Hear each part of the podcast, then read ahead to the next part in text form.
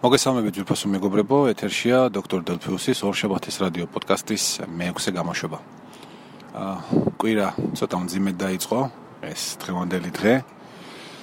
იმიტომ რომ დაგე სანდრო უნდა წაგვეყვანა ექიმთან, რაღაც მიმდინარე დაგეგმილი ანალიზებისათვის და წესი 9-ზე უნდა ყოფილიყავით იქ, მაგრამ მოხდა ისე რომ დაეძინა პატივცემულს და აი 11 ძლივს მივახციეთ და აი ახლა მე სამსახურში მოვედი ცოტა ხნის წინ.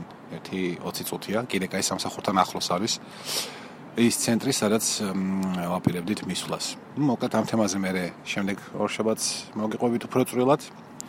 მანამდე ჩანიშნულ თემებს დაუბრუნდები. ეს არის პირველი თემა არის წონის კლება ისევ.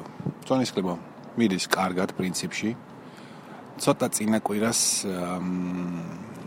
ვიცუღლუტე, ასე ვთქვათ, ცოტა მეტი ჭამე, ცოტა უფრო გემრიელობები პიცა, მათ შორის ჩემო ცომა არაჩვეულებრივად გემრიელი პიცა გამოაცხო და ძალიან მოგვეწონა ყოველას. კიდე რა ვჭამე? რამე ერთვი ისეთი. მოგეთ რაღაც კაი გემრიელობები იყო. და მივეპარე. ამიტომაც წონამ ოდნავ მოიმატა, სადღაც 9 კილო. ეგ არაფერია. ამ კვირაში მაგას დავაგდებ და კიდევ უფრო ქვემოთაც ჩავწევთ.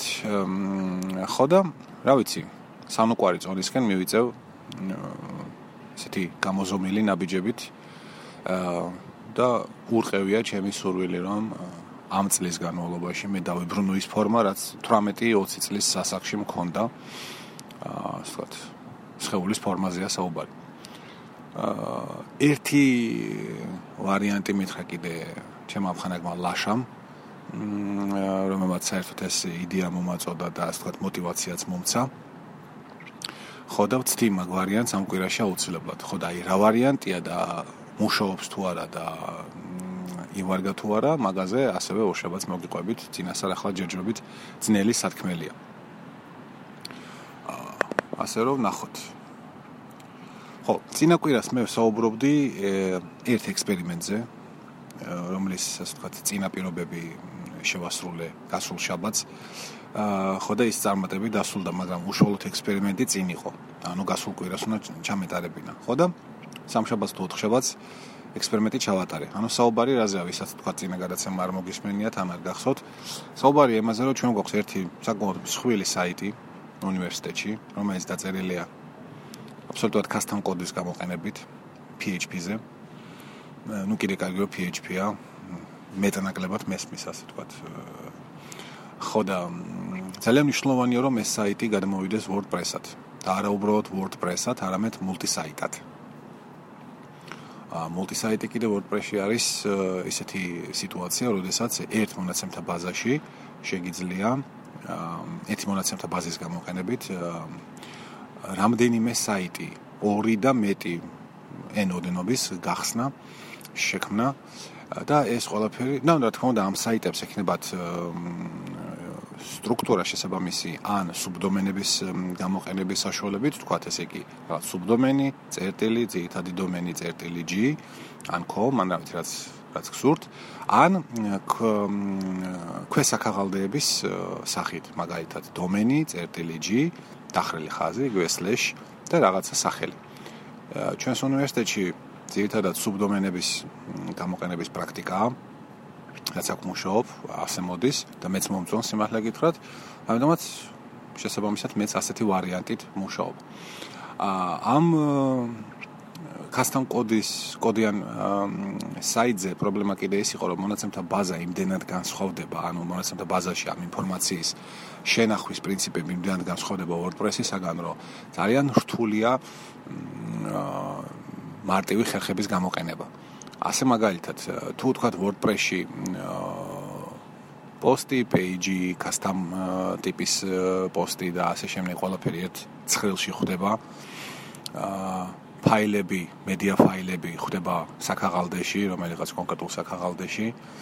ხოლო კავშირი ვთქვათ ამ ფოტოებსა, მედია ფაილებსა და ვთქვათ პოსტებს შორის სხვა რამდენიმე ცხრილში აღიწერება და ასევე მკაფიოდ არის გამოყოფილი ძირითად ცხრილში რომ რომელი ჩანაწერი რა ტიპის არის, ვთქვათ თუ ეს არის უბრალოდ პოსტი უწერია მას ერთ კონკრეტულ ველში რომ ეს პოსტია, თუ ეს არის სტატიკური პეიჯი, ასევე უწერია, თუ რაიმე custom ტიპია, თქვა event-ია, ან რაღაც sale-ები ან ასე შემდეგ, ეს ყველაფერი მითითებულია. ასე რომ შესაბამისად თუ გჭირდება რაღაცა მოკრეფვა და შემდგომში სხვაგან გადატანა WordPress-იდან, ეს დიდ პრობლემას არ წარმოადგენს, იმიტომ რომ სტრუქტურა უფრო ნათელია, ჩემი აზრით, რასაკვირველია. კი, არიან ჩემი ნაცნობები, რომლებიც ეძახიან, რომ WordPress-ი არც თუ ისე მოხერხებულია და ვეთანხმები ამაში მე გარკვეულწილად, იმიტომ რომ უფრო უკეთესადაც შეიძლებოდა რომ საწყის ეტაპზე დაგეგმილიყო მისი მონაცემთა ბაზის სტრუქტურა, მაგრამ ახლა უკვე იმდენად დიდი გახდა იმდენად საიტების რაოდენობა იმდენად დიდია, რომ ესე რადიკალურად მონაცემთა ბაზის სტრუქტურის შეცვლა ვფიქრობ, რომ არ იქნება მარტივი. ნუ ამიტომაც ისე არის როგორც არის. და ხა წარმოიდგინეთ ბაზა რომელიც ჩვენ მაინც არ მოგწონს და არც თუ ისე კარგად არის მოწყობილი, მასზე უარეს რომ ნახავ, რა თქმა უნდა, არც თუ უფრო არც თუ ისე სასიამოვნო მომენტია. აა ამ მეორე ბაზაში, ამ custom ბაზაში ჩანაწერები პრაქტიკულად არ გამოიყოფა ერთმანეთისგან ტიპის მიხედვით. ანუ ევენთები კიდე კარგი რომ, ანუ სამი ტიპია, სულ ეს არის news-ი ეგრეთ წოდებული, მეორე არის ევენთი და მესამე არის სტატიკური გვერდი, მაგრამ ევენთის გამოყოფა რაღაცა ნიშნის მიხედვით შესაძლებელია, ხოლო პოსტებსა და სტატიკურ გვერდებს შორის სხვაობა არ არსებობს. WordPress-ში მაგალითად სტატიკურ გვერდს არ გააჩნია იერარქიული უბრალოდ კი გააჩნია იერარქიული დამოკიდებულება, მაგრამ ის არ არის იმ კატეგორიებში მოხვედრილი, რომელსაც გამოიყენებ news-ების, ანუ პოსტ-ჩაოლებრივი პოსტების კატეგორიზაციის დროს. აქ პირიქით არის. აქ კატეგორიები ყველასთვის ერთია და პრაქტიკულად შეუძლებელია გაერკვე სად რა ინახება. მაგრამ ნუ არის რაღაც ნიშანთვისებები და ეს არის ხელიც საიუველირო სამუშაო, რომელიც მოითხოვს დიდი ენერგიის ხარჯვას, ბევრ ჩალის წვალებას. რაღა ბევრი გავაგზელო. არსებობს ესეთი შესანიშნავი ფასიანი პლაგინი WordPress-ისთვის, WP all import და შესაბამისად all export. რომ რომ ნუ ჩვენ ამ შემთხვევაში იმპორტი გვჭირდება, რომლის შესაძლებლობები პრაქტიკულად ამოუწურავია. მე მანამდე ვცადე ამ საიტის გადატანა ამ პლაგინის საშუალებით და ძალიან წარმატებით გადავიტანე თვითონ ჩანაწერები. ნუ მე ხელით გავყავი ეს ნიუსები და სტატიკური გვერდები სხვადასხვა ნიშანთვისებების მიხედვით, მაგრამ რაც ვერ გადადიოდა ეს იყო ფოტოები, რომლებიც მიმაგრებული იყო რომელიც მიმაგრებული იყო ამ საიტებზე და ასევე შეუძლებელი იყო ეხლავე ერთი წუთი მეგობრებო. აა შვენიერია და ასევე შეუძლებელი იყო გვენახა მიგვემაგრებინა უბრალოდ იმპორტის დროს ის ფაილები, თქვა Word-ი, Excel-ი, PDF-ი, რომელიც გამოყენებულია ძველ საიტზე. ეხლა მე ერთი წამი შევყომდი, იმიტომ რომ თანამშრომელმა ჩამოიარა რაღაც ერთი ახალი гаджеტი, ანუ დივაისი მაჩვენა, ძალიან საინტერესო. ასე რომ ბოდის გეხდით, როგორც მოგეხსენებათ, უნივერსიტეტის ეზოში, შიდა ეზოში ვზივარ და აქ ესეთი პატარ-პატარა ტექნიკური მომენტები გამორიცხული არ არის. მოკლედ ამ WP all import-ის საშუალებით მე მივაგენი ხერხს ისე გადავაწყვე ძველი საიტის ბაზის სტრუქტურა, ну, ცალკე გამოყოფილ sandbox-ში, რომ შემდეგ მის ბაზაზე შევქმენი დასაიმპორტებელი ტექსტური ფაილი, ანუ comma separated value რო არის CSV, ეგრეთ წოდებული CSV ფაილი. და წამოიღო. ყველაფერი წამოიღო, სტატიებიც წამოიღო, feature image-ებიც წამოიღო, ჩოლებრივი ფოტოებიც წამოიღო ამ კონკრეტულ რომელიღაც სტატიასთან დაკავშირებული და მათ შორის მედია, სხვა მედია ფაილებიც, Word-ი, Excel-ი, PDF-ები, ყველაფერი მშვენივრად ჩაჯდა. ექსპერიმენტი გავაკეთე ერთ 100 ჩანაწერზე, რომ დიდი დრო არ დაეკავებინა, ყველაფერი მშვენივრად დაალაგდა და პირველი მარტისთვის, ანუ ახლა პარასკევს დაგეგმილი მაქვს, თუ არაფერმა ხელი არ შემიშალა, დაგეგმილი მაქვს, რომ ჩავატარო სულ მასშტაბიანი იმპორტი.